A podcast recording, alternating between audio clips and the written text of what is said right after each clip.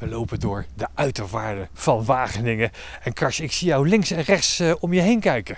Ja, op zoek naar, uh, naar vlinders. En hier staan heel veel bloemen. Hè. Ik zie hier boterbloem bloeien, Jacobskruiskruid, boerenwormkruid, distels die nog een beetje bloeien. En daar moet je echt nu naar, uh, naar op zoek, wil je vlinders zien. Dan moet je echt inderdaad een bloeiende planten zoeken. Want ze hebben die nectar uit die bloeiende planten echt nodig. Ja. De Atalanta kan je hier zien vliegen. De distels noem je al de distelvlinder. Hoe weet je nou dat zo'n distelvlinder gaat trekken of in Nederland blijft? Nou, die distelvlinder gaat altijd weg. Oh, die gaat weg. Die kan echt niet, een beetje vorst gaat hij al dood. Die Atalanta's die we hier zien, daar weet je het niet van. ze kunnen hier zich vol drinken op die bloemen en vervolgens ergens wegkruipen als het koud wordt. Maar ze kunnen ook nog verder naar het zuiden vliegen, tot in Zuid-Frankrijk toe.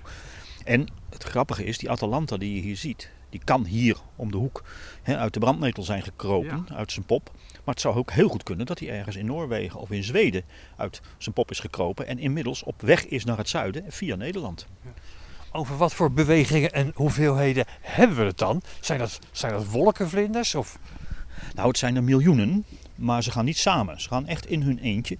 Dus je ziet dan, uh, soms heb je wel van die trekroutes, waardoor ze een beetje getriggerd worden om allemaal dezelfde route te kiezen. En dan als je dan 10 minuten staat, kun je zo 5, 6, 7, 8 langs zien komen. Maar niet in groepen, echt individueel. individueel. Het lijkt me een enorme klus voor zo'n vlinder met van die tere vleugeltjes om een paar duizend kilometer naar het zuiden toe af te zakken.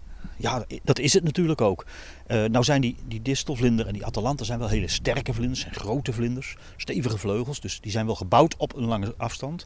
Maar een heleboel halen het ook niet hoor. Ik weet zeker dat er een heleboel onderweg uh, zullen sterven. En vaak hebben ze ook een soort van estafette. He, dan gaan ze een eentje op weg, dan leggen ze wat eitjes, trekken dan verder. Maar misschien dat ze dan doodgaan. Maar die eitjes die uitkomen, die weten ook het is najaar. Dus ik moet zo meteen als ik uit mijn pop kom, verder naar het zuiden. En omgekeerd, in het voorjaar leggen ze ook eitjes tijdens hun reis. En de vlinders die daaruit komen, die weten ook van ik moet nu naar het noorden. En dan komen ze dus hier uh, in Wageningen terecht. Het lijkt me, ondanks die tussenstops die ze dan uh, uitvoeren, een enorme inspannende klus. Hoe bereiden de vlinders zich voor om, uh, om op trek te gaan?